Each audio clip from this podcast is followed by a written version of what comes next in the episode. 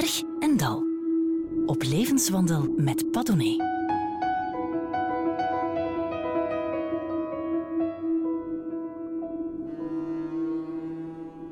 Erbarme dich van Bach, de wellicht mooiste aria uit de muziekgeschiedenis, staat in het middelpunt van het Clara Festival.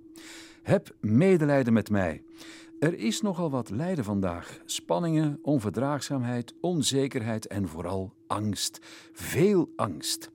De wereldautoriteit, en voor één keer is dat geen overstatement, in angst en angststoornissen is psychiater en filosoof Damian Denis. Hij is een Vlaming in Amsterdam die weldra de voorzitter wordt van de vereniging die de 3500 psychiaters van Nederland herbergt. Angst, zegt hij, is wars van redelijke inzichten. Dag Damian Denis. Zit u op een berg of zit u in een dal? Ik zit op een berg, mag ik zeggen. Ja. Je mag dat zeggen. Ja. En waarom?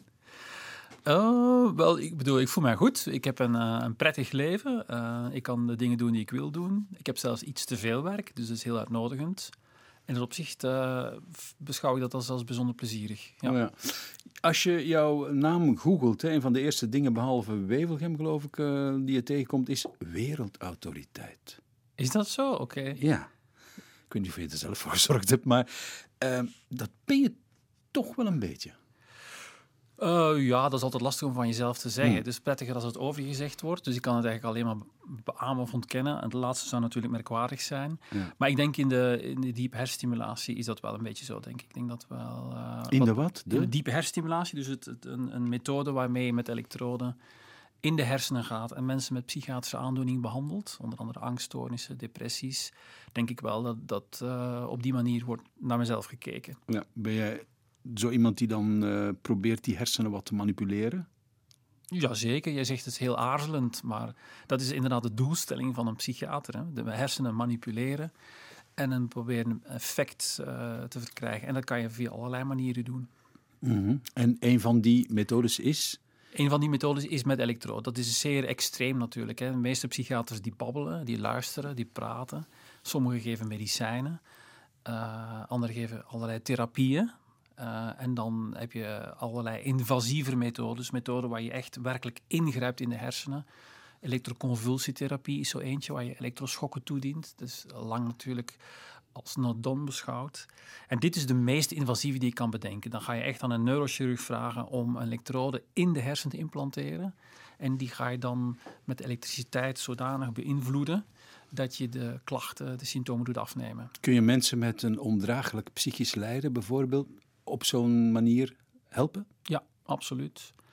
Ehm, want de mensen die wij behandelen, die, die, die moeten voldoen aan bepaalde criteria. Een van die criteria is ondraaglijk En uitzichtloos heet dat dan. Uitzichtloos, ja. Dan kom je al heel sterk in de buurt van de euthanasie. Ja, eh, ja. ja, ja. En dat is ook interessant hoor, want het is toch. eh, nou ja, het zal nu een maand of twee geleden zijn dat er in Nederland een heel heftig debat was. eh, waarbij iemand met een ernstige dwangstoornis, dat zijn de mensen die we behandelen, ervoor koos om eh, te sterven. Ja. En die, dat is toegekend. Dat is men heel liberaal in, in Nederland.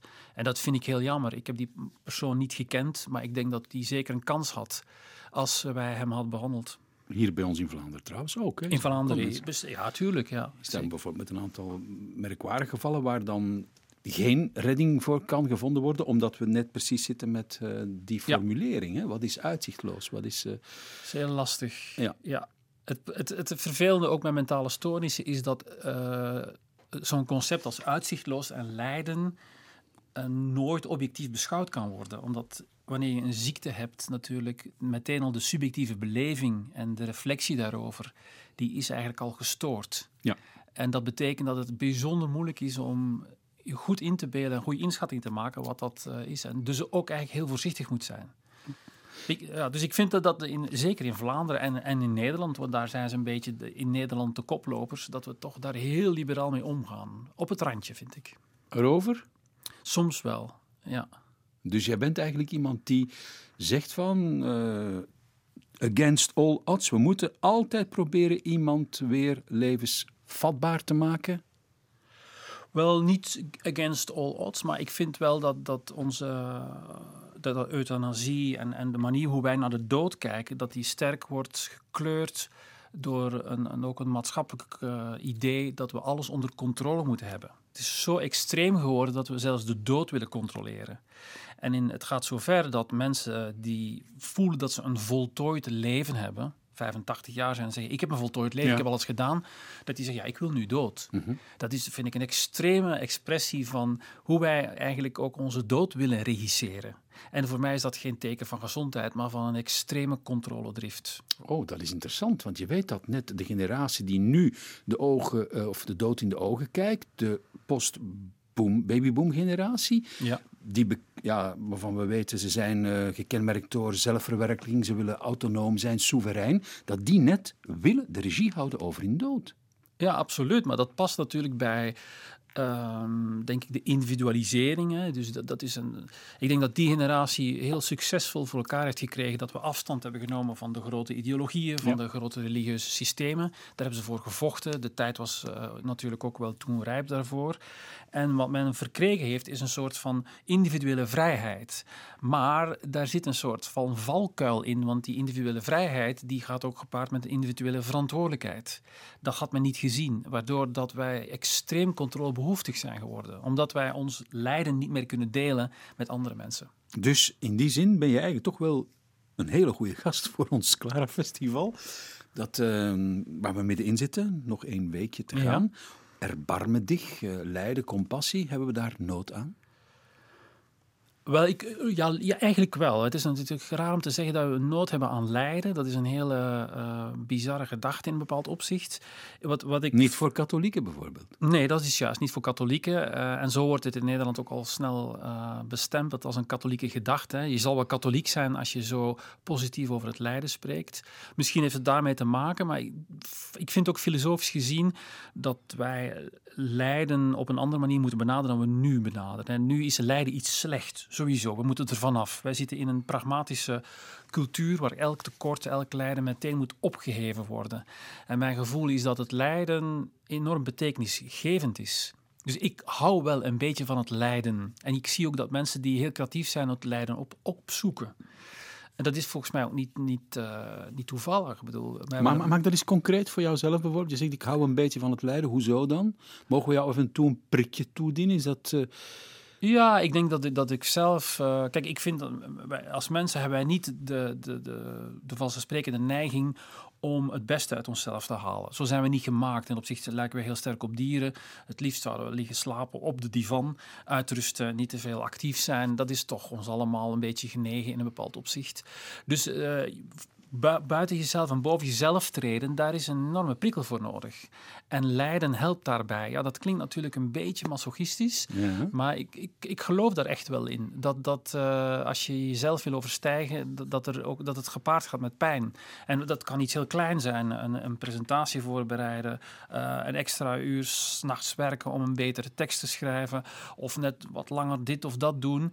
Maar jezelf dus over die grens trekken, dat doet dus pijn. Maar achteraf hebben mensen daar heel veel plezier van. Zoals een sporter heel duidelijk pijn kan hebben. Kuitenpijn, spierenpijn. Bijvoorbeeld. Enfin, maar dan ook wel werkt op grinta. Hè? Dus op, op eh, wat, wat de Grieken noemden thumos. Zo die, die, die gekrenkte eer. Ja, ja. Het mag pijn zijn, maar godverdomme, ik wil wel winnen. Ja, zoiets. Maar de- de- voor mij hoeft niet eens de competitie erin te zitten. De- er zit ook een essentieel gevoel van plezier in, in lijden. Oeh la la. Ja, vind ik wel. Ja. Is eh Damian Denis een Een- BDSM'er? Nee, helemaal niet. Ik bedoel, met, ik bedoel daar ook niet lichamelijk mee. Maar er zit een soort van esthetisch genoegen in lijden. Kijk, esthetiek is voor mij, ligt voor mij ook heel dicht bij lijden. Het zien van een, van een mooie schilderij of een film of het lezen van een boek of het horen van eh, muziek is niet altijd, ehm, laten we zeggen, esthetisch plezierig. Gaat soms gepaard met een onaangenaam gevoel. Kijk, als ik de eerste keer dat ik Kafka las, dacht ik, wat is dit? Dat ik, ik kan het niet verdragen. Ik word er ongemakkelijk van. En het heeft wel heel veel tijd gekost alvorens ik besefte dat dat juist daar zo mooi aan is. Dat die man in staat is met een paar woorden je uit balans te brengen en die onrust te creëren. Ja, dat is ook een stukje lijden. Dit is helemaal niet plezierig. Oké, over dat allemaal erbarmen, dich, lijden. Daar tegenover staat de empathie, mededogen, Ja. medelijden. Kennen we dat? Ja, dat kennen we en dat vind ik dan net iets te veel. Dus ik, ik zou daar dan een heel ander eh, perspectief op. Ik vind dat wij in een maatschappij leven die uh, heel veel medelijden kent, maar helemaal geen lijden kent. Dus wij, ons, onze relatie tot uh, de ander, tot allerlei evenementen, tot het terrorisme, tot angst en zo verder, is eentje van een overdreven pathos. Zelfs een hysterie zou ik durven zeggen. Wij hebben de intentie om met alles en iedereen mee te lijden. Um, en dat vind ik opmerkelijk. Ik, ik, ik kan dat eigenlijk niet eens geloofwaardig achten. Maar als er dus een evenement of iets gebeurt in Parijs, ook al is het zeer ernstig, dan hebben mensen hier en overal in de wereld de neiging op straat te komen. En, en dat allemaal te, betrekken op hun eigen persoonlijke zijn. En ik vind dat een soort van misplaatst lijden. Een soort van emotioneel collectivisme waar we uh, in verdrinken. Maar is dat dan empathie, Damian? Wel, het is ook empathie, omdat je in staat moet zijn om je in te beelden hoe de ander zich voelt, wat het betekent. Maar komen wij gewoon niet de straat op in de eerste plaats omdat we bang zijn, omdat we zelf uh, misschien denken het slachtoffer te worden van, en veel minder omdat we empathisch zijn? Empathie is toch iets, is in de verdrukking heb ik het idee. Um, nou, empathie betekent dat je in staat bent om je in te leven in de gevoelens van de ander. Ja. En ik vind dat dat juist overdreven is. Als je kijkt naar de maatschappelijke reacties, bijvoorbeeld MH17, dat vliegtuig in Nederland, uh, dat de Oekraïne is neergestort. En dan, neergehaald. Ja, neergehaald, akkoord. Maar ik denk onafhankelijk van het uh, terroristische aspect, het neerhalen of neerstorten, is de emotionele reactie eerder eentje van enorme rouw, misplaatste rouw. Dus de, toen die, die dag, toen die doodskisten door Nederland trokken, dat was een enorm evenement. Stonden honderdduizenden mensen te huilen op de snelweg. Ik weet, en dat vinden wij dan opeens stoer. Uh, maar ik vind het eigenlijk misplaatst. Oké, okay, dan zal ik daar tegenover stellen bijvoorbeeld de begrafenis van koning Boudewijn. Dat is hier een klassiek voorbeeld geworden. Ja. Uh, de dood van Diana. Ja. Al dat soort dingen. Dan hoor je ook wel eens psychiaters zeggen van... Die collectieve hysterie, dat rouwen, dat huilen, die tienduizenden kilograms bloemen die aan hekken worden gegooid, dat ja. we dat nodig hebben om collectief een soort van rouw te kunnen uh, verwerken, omdat dat ook iets zegt over onze eigen rouwbeleving. Ja, absoluut, maar ik vind het. Uh, je kan je de vraag stellen of je rouw op die manier moet beleven. Ik vind het geen uh, volwassen, cultureel hoogstaande manier van rouw beleven. Ik vind juist dat emotioneel collectivisme een teken dat wij uh, individueel niet meer in staat zijn ja. op een integere manier te rouwen. Uh, want het, het is uh, een heel zichtbare, overdreven manier, waarbij dat de band tussen degene die rouwt en degene die gestorven is, flinterdun is. En natuurlijk, uh, waarom huilen wij als Diana sterft?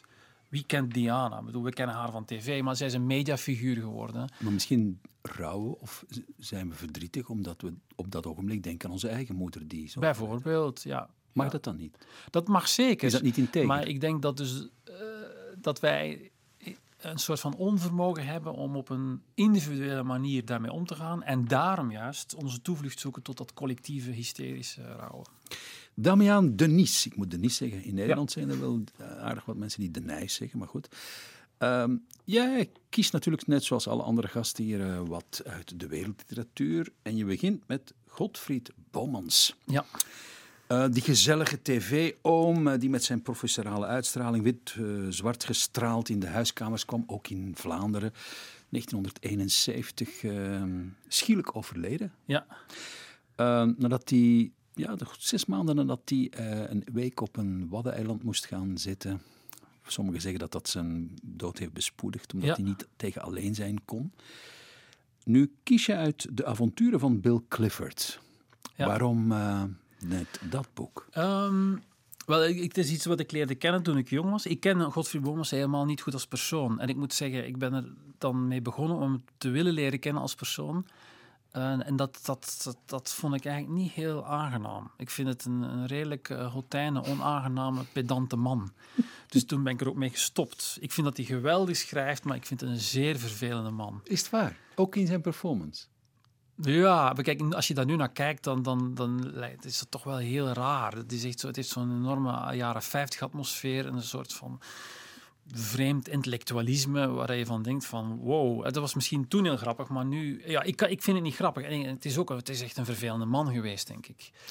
Maar eh, ik, ik vind hoe, de manier hoe hij schrijft en zijn manier van naar het leven kijken wel eh, bijzonder boeiend. Heel aantrekkelijk en nog eigenlijk ook wel heel eigentijds. Alhoewel dat veel van zijn teksten natuurlijk redelijk oud zijn. Ja. En hier heb je het over het compensatieprincipe. Wat dat Ja. precies is, gaan we misschien zo dadelijk even belichten, want het is allemaal eh, vrij duidelijk.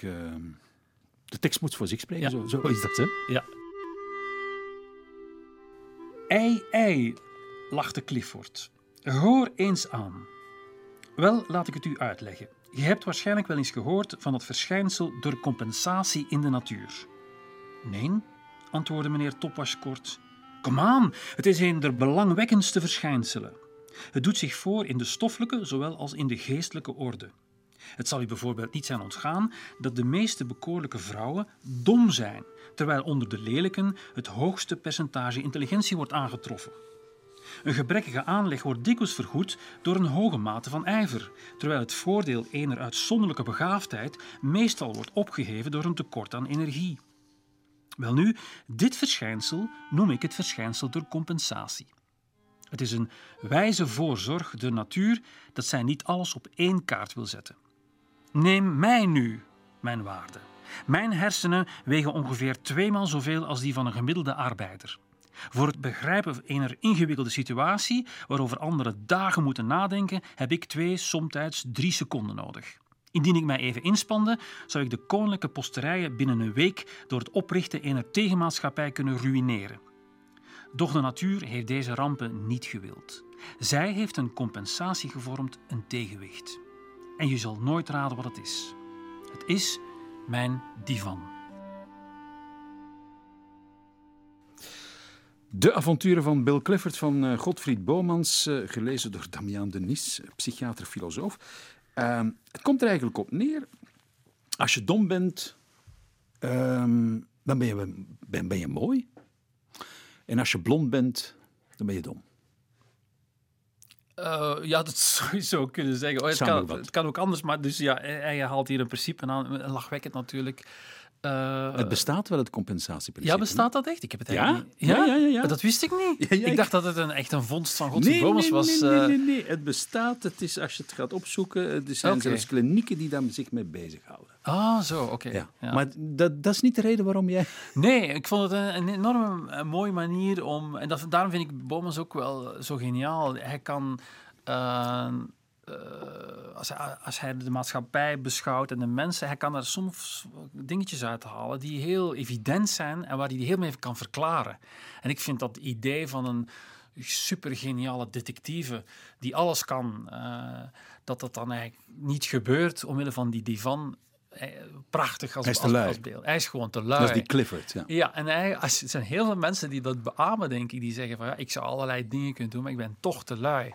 Luiheid is een groot taboe in onze wereld. Vind ik. Een van de Absoluut. grootste taboes die we nu hebben. Ja, ja, ik ben blij dat je het zegt. Ja, absoluut. Ja, waarom ben je zo blij dat ik dat zeg? Omdat dat nu net iets is waar ik eh, ook eh, de vinger op de wonden van wil leggen. Lafargue, hè? Ja. Ehm, eh, het recht op luiheid. Ja, ja. Verveling. verveling, ja. Ik, ik zou echt een pleidooi willen houden, Damian, voor sierlijke verveling. Niet Ja. stierlijke, maar sierlijke. Sierlijke, inderdaad. Maar wij zijn er kennelijk niet meer toe in staat om ons te vervelen, om lui te zijn. Nee, eh, we leven in een, in een extreme pragmatische maatschappij. Iets wat eigenlijk Heidegger al voorspeld had. We hebben de Amerikaanse pragmatiek overgenomen. En alles moet doelgericht en oplossingsgericht zijn. En daar past luiheid niet in. En verveling en, en dat soort van eh, doelloze, eh, reflectieve momenten. Dat is iets wat wij niet meer accepteren. En dat, is- dat is eigenlijk merkwaardig, want als je daarnaar kijkt, dan zijn we toch wel heel ehm, hard in ons oordeel. Want niemand durft, het woord komt zelfs niet meer voor. Ik vind het interessant dat het, als je in de kranten zou na het woord lui, is gewoon volstrekt afwezig uit ons discours, om zo te zeggen. Ik wou dat ik je tegen kon spreken, maar ik vrees dat je gelijk hebt. En er is nog zoiets. Hè. Ik bedoel, het statussymbool bij uitstek vandaag is druk, druk, druk. Ja, inderdaad. Wie ja. durft vandaag Ja. als volwassen nog te zeggen van... Ik verveel mij. Ja. Dat doe je als kind, maar niet als volwassene. Of wat heb je in het weekend gedaan? Dan zeg je niet, ja, niks, want ik was lui. Nee, dan zeg je, ja, ik ben gaan zwemmen met de kinderen, ik heb paard gereden, we hebben dan nog gekookt met een paar mannen en we hebben een whisky gedronken en Ja. dan zijn we s'avonds naar het theater en zo verder. Ja, Ja. druk, druk, druk, dat Heb is je die. Facebook-post al eens gezien? Dat rent van Ja. hier naar daar, van hot naar her. Ja, absoluut. Ja. Een hels tempo, ja. En is dat goed? Ik denk het, ik, wel, ja, we leven ook in, in een belevingscultuur en mensen willen heel veel beleven. Eh, alsof iedereen eh, voor zichzelf een soort van tijdspad heeft gezien dat heel beperkt is en een maximale aantal belevingen moeten beleefd worden. En hoe meer je beleeft, des te rijker ben je als persoon. Zo bekijken we het. Maar wat zeg jij als psychiater, als filosoof? Maar ja, wat, wat zou je verwachten? Ik zeg natuurlijk, ja, dat is onzin. dat moeten we niet doen. ja. Maar jij bent ook druk bezig, hè? Je zei ja, net nog. Dat, dat- ja, dat is eigenlijk wel raar. Ja, misschien ben ik dan in het opzicht niet heel eerlijk naar mezelf. Ja. Jun Miyake, dat is een eh, Japanse componist. Ehm, The World I Know.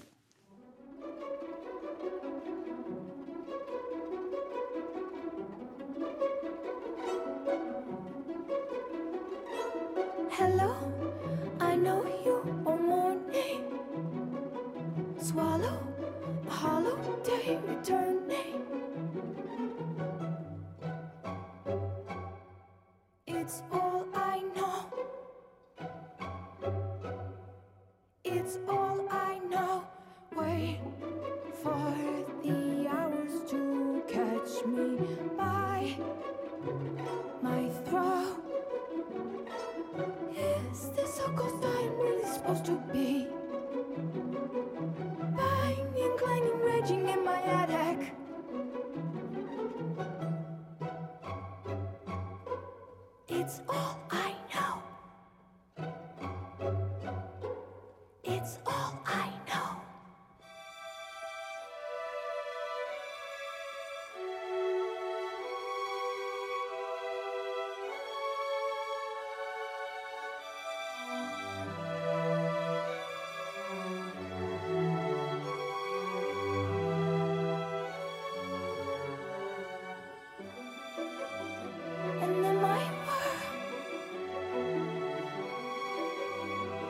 begins to fade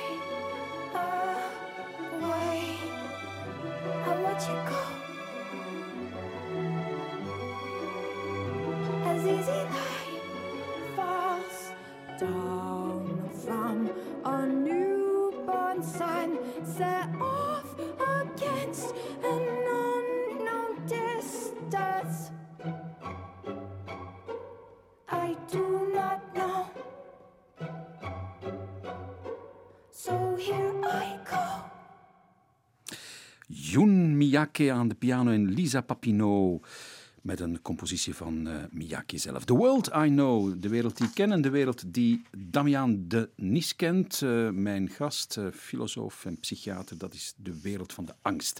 Ik mag zeggen, ehm, angst, Damian, dat is jouw handelsmerk geworden en angststoornissen. Van, hoe komt dat eigenlijk voor iemand die eerst filosoof was en dan in een dronken bui besliste om psychiater te worden? Ja, dat, dat laatste is wel waar eigenlijk. Ja? Ehm, ja, dat is ook zo. Ja, want we... Nou goed, ik weet niet of ik dat moet vertellen, maar... Jawel, eh, jawel. Ja? Eh, we zaten... Dus ik, ik, ik heb filosofie gedaan in, in eh, Leuven, in het eh Hoger Instituut voor Wijsbegeerte, zo noemde dat dan nog.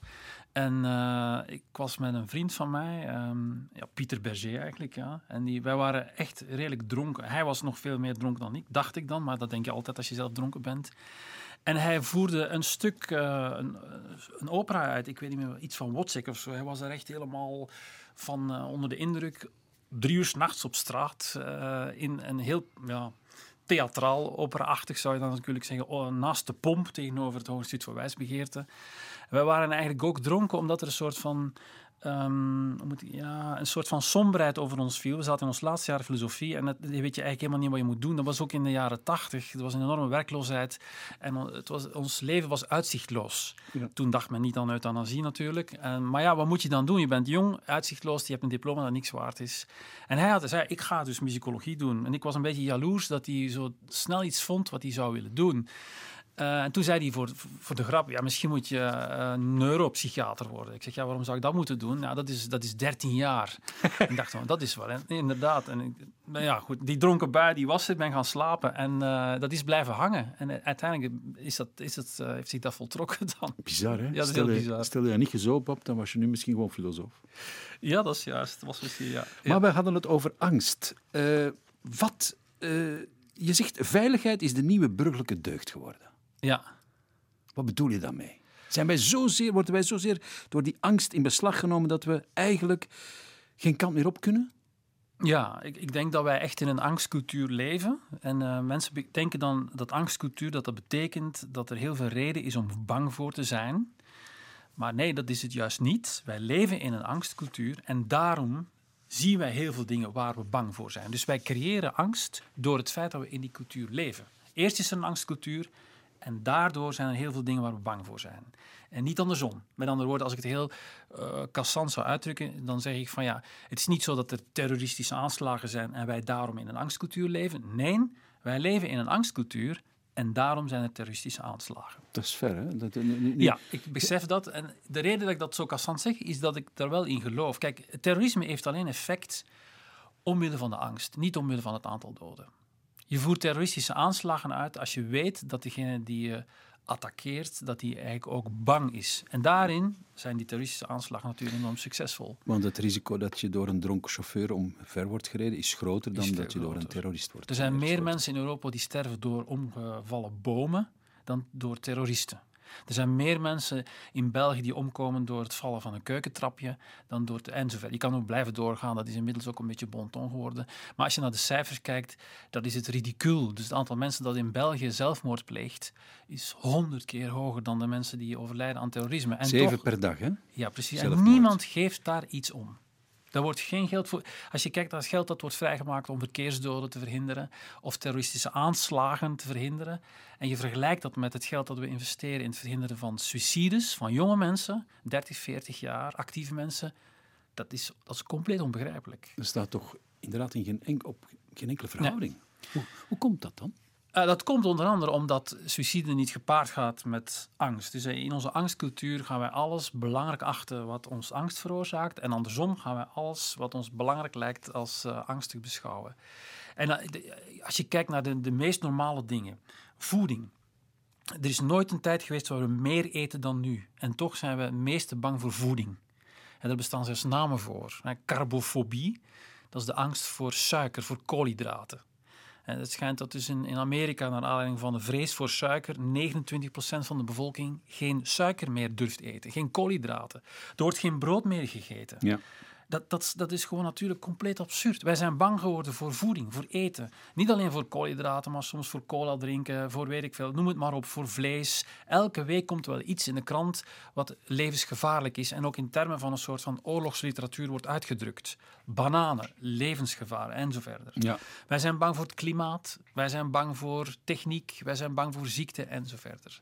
Dus ehm, heel veel... Voor eh, vreemde exotische ziektes die nooit hier zullen geraken, maar die dan ineens een pandemie worden genoemd. Ja, inderdaad. Ja. Dus de, de, de angstcultuur, het, het paradoxale is dat wij bang zijn voor heel veel, meer dan mensen vroeger voor iets bang waren, terwijl de tijd waarin we leven meer dan veiliger is dan ooit. Maar we kunnen toch niet eh, genoeg benadrukken. Steven Pinker bijvoorbeeld, met dat fantastische naslag van werk eh, van hem enkele jaren terug, die gewoon boutweg statistisch kan vaststellen, de wereld is nog nooit zo veilig geweest vandaag. Nog nooit. Ja, Ondanks de ja. tientallen miljoenen doden in Wereldoorlog 1 Ja. en 2. Nog nooit Ja. zo veilig.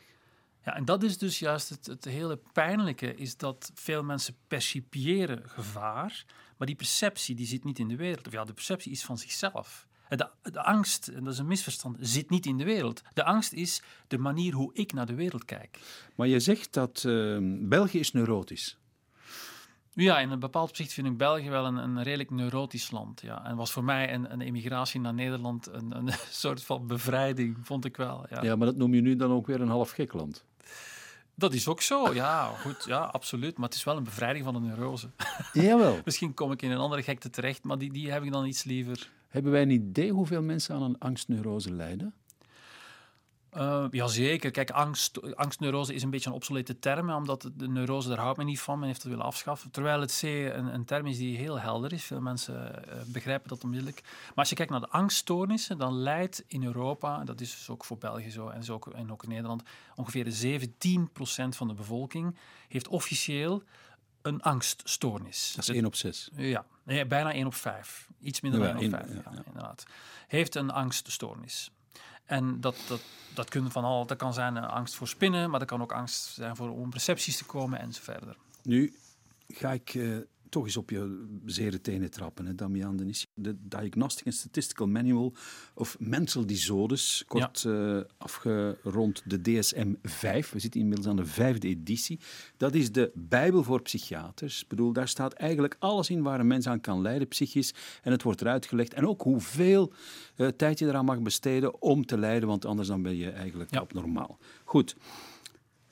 Over die angststoornissen en over dwangneuroses. Ja. Is het niet zo, als je dan zegt dat wij onszelf die angst aanpraten, dat jullie psychiaters ons daarbij helpen? En zeggen van, ja, je bent ziek, ja, je bent gestoord, ja, je hebt een neurose, ja, je hebt een dwangneurose. Terwijl ik misschien gewoon een beetje afwijk. Maar mag dat dan niet meer? Ja, absoluut. Ik bedoel, je, je trapt niet op mijn zere tenen. Ik denk dat je volstrekt gelijk hebt. Um, er zijn te veel psychiaters? Er zijn te veel psychiaters, maar wat ik daar ook wel aan toevoegen, is dat dat wel een behoefte is van het volk. Um, veel mensen vinden dat ze recht hebben op psychische hulp en zijn, om dan even naar het lijden terug te keren, niet meer in staat om op een normale manier om te gaan met lijden. En men wil meteen geholpen worden. En daar komt die pragmatiek weer te boven. Wij hebben recht op zorg. En ik, als ik lijd om een of andere reden, dan moet ik geholpen worden door een psychiater of een psychotherapeut. Maakt mij niet uit. Dus de, de vraag die men heeft in de maatschappij na, aan de psychiatrie, die is, eh, die, is, die is veel te hoog. En dat heeft niet alleen te maken dat de psychiaters aanreiken, maar ook dat men het verzoekt. Nu ga je lezen uit um, een, een, een, hoofdstukje, een klein hoofdstukje uh, over dwangneuroses uit die DSM. Dus die Diagnostic and Statistical Manual of Mental Disorders. Um, eigenlijk een bestseller, in die zin dat elke psychiater geacht wordt in de wereld om dat te hebben gelezen of tenminste in huis te hebben. Zo is het, hè? Ja. Ja, het is zoals je zegt, de, de, maar dat is niet goed, hè, maar het is wel de Bijbel voor de psychiater. Uh, en dat men dat zo zegt, is, is verschrikkelijk. Want psychiatrie is natuurlijk alleen is meer dan een lijstje aan symptomen. Maar het is wel zo dat de realiteit is dat veel psychiaters niet verder komen dan dit lijstje aan symptomen. Dertig jaar geleden had je een klasje ja, van een dertig leerlingen. Ja. Een derde van dat klasje was stil. Een derde van dat klasje noemden we slim. En een derde van het klasje noemden we druk. Ja. Dertig jaar later zijn diezelfde dertig kinderen probleemgevallen. Een derde is autistisch, een derde is hoogbegaafd en een derde heeft ADHD of dwangneuroses. Ja. Het is ja. op flessen getrokken, maar is dat ook niet een beetje waar we mee bezig zijn? Ja, zeker. Ja, ik vind het niet op flessen getrokken, um, alhoewel dat mij misschien de betekenis van de uitdrukking ontgaat. Maar, ja, omdat je uh, zo lang in Nederland bent. dus een beetje uh, bij de haren getrokken. Ja, bij de haren ook. Maar ik vind het eigenlijk niet. Wat je zegt is correct. Ik bedoel, wat wij nu doen de laatste jaren is um, abnormaal gedrag medicaliseren. En dat heeft te maken met het feit dat wij, uh, niet, niet dat er meer abnormaliteit is, maar gewoon dat wij een onvermogen hebben ontwikkeld om om te gaan met abnormaliteit. En die medicalisering, dus het gebruik van technisch-medische termen, daar houden we van, omdat het een identiteit verschaft en eigenlijk de abnormaliteit normaliseert. Ja. In onze ogen. Normaliseert door een pathologisch uh, kern aan toe te kennen. Gek genoeg. Dus het is ook heel paradoxaal dat mensen liever een identiteit hebben binnen het pathologische dan geen identiteit. Dat zeg je dat goed? Gek genoeg. Ja, gek genoeg. Ja. Gek, komma genoeg. Gek, gek genoeg. genoeg. Uitroepteken. Ja, inderdaad. Ja. Christo Redentor uh, van Donald Byrd. Uh, Donald Byrd uh, is een jazz-trompetist. Hij overleed geloof ik een tweetal jaar geleden. Kwam van hardbop en is dan rhythm and blues gaan componeren en spelen. Jij wil uh, Cristo Redentor horen. Ja. Is nu dat niet dat beeld dat daar in Brazilië ja, staat? Hè? Zeker. Die grote Christus die daar waakt over, uh, wat is het, Rio de Janeiro? Ja, op uh, de suikerbij of suikerbrood heet dat. Ja? ja. Nou, dat was ik, ik heb de, bedoel, de naam, daar heb ik niet echt het nummer voor gekozen. Het is alleen dat ik op het moment dat die trompet begint, dat, er, zijn, er zijn sommige eh, nummers of sommige muziek waar ik mijn glimlach niet kan onderdrukken. En dat is één van die. Als die, als die trompet begint, uh, dan... Ja, ik heb daar een geweldig plezierig gevoel bij. Dat is voor mij de essentie van jazz. Trompet? Ja, die dan start, die insteek, die, die hele lijzige manier waarop die trompet start met dat uh, op de achtergrond dat uh, stukje piano. Ik vind dat zo'n ongelooflijk relaxed gevoel. Ik zie mij dan altijd zitten in een fauteuil met een glas whisky. Ik hoor die muziek, de lichten zijn gedempt, uh, kamervast tapijt. Ja, op een of andere manier geeft mij dat een totaalbeleving. In de divan, Bill Clifford. En de divan, ja, de luid.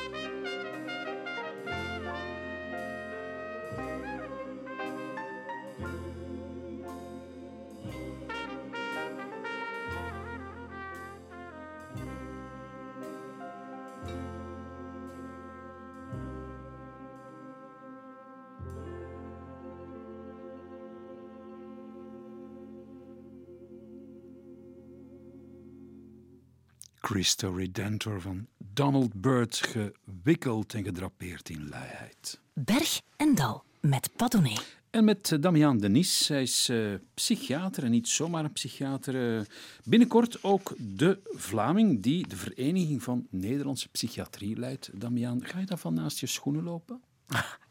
Nee, nee, eigenlijk. Wel, ik moet zeggen, ik vind, vind het wel aantrekkelijk en grappig dat een, een Vlaming al die Nederlandse psychiaters een beetje mag leiden. Daar heb ik wel een heimelijk genoegen in, moet ik zeggen. Per 1 april dan nog. Ja, per 1 april, ja, dat is ook een grappige datum. Ehm, maar nee, ik ga er niet van mijn schoenen naast lopen. Het is, het is gewoon ook een job dat je één keer moet doen. En ehm, het is ook niet altijd, het is ook werk hoor. Dus eh, dat is het. Veel hoe is, werk. Hoe is dat daar in Nederland als Vlaming? Eh, ja, dat is een lastig, ik bedoel, een vraag waar ik moeilijk zomaar een antwoord kan op geven. Eh, Ze sommige luisteren mee, hè? zijn- Ja, ja, dan nu niet. Nee, dat denk ik eigenlijk nooit aan. Gelukkig, want anders zou ik niet meer kunnen praten, denk ik. Ik vind aan, aan de ene kant een fantastisch land. Ehm, ik werk heel graag in Nederland, ben er heel graag. En ik hou echt van de manier van kijken naar de wereld en het leven. Maar ja, ik mis wel heel veel dingen in België, nog altijd na 18 Wat mis je jaar. het meeste? Eh, wat ik het meeste mis is een, een soort van, eh, ja, misschien horen Vlamingen dat niet graag, maar het is een, een vanzelfsprekendheid, een, een soort van eenvoud, een levensstijl toch, die eh, heel aantrekkelijk is en, en heel bijzonder is en die men daar maar niet in Nederland voor elkaar kan krijgen. En waar, waar men enorm jaloers op is. En ik merk dat, zo, nu dat er niet meer zijn, dat dat er wel degelijk is. Maar je bent ook filosoof. Ehm, ik mag zeggen een Michel Foucault-kenner min of meer.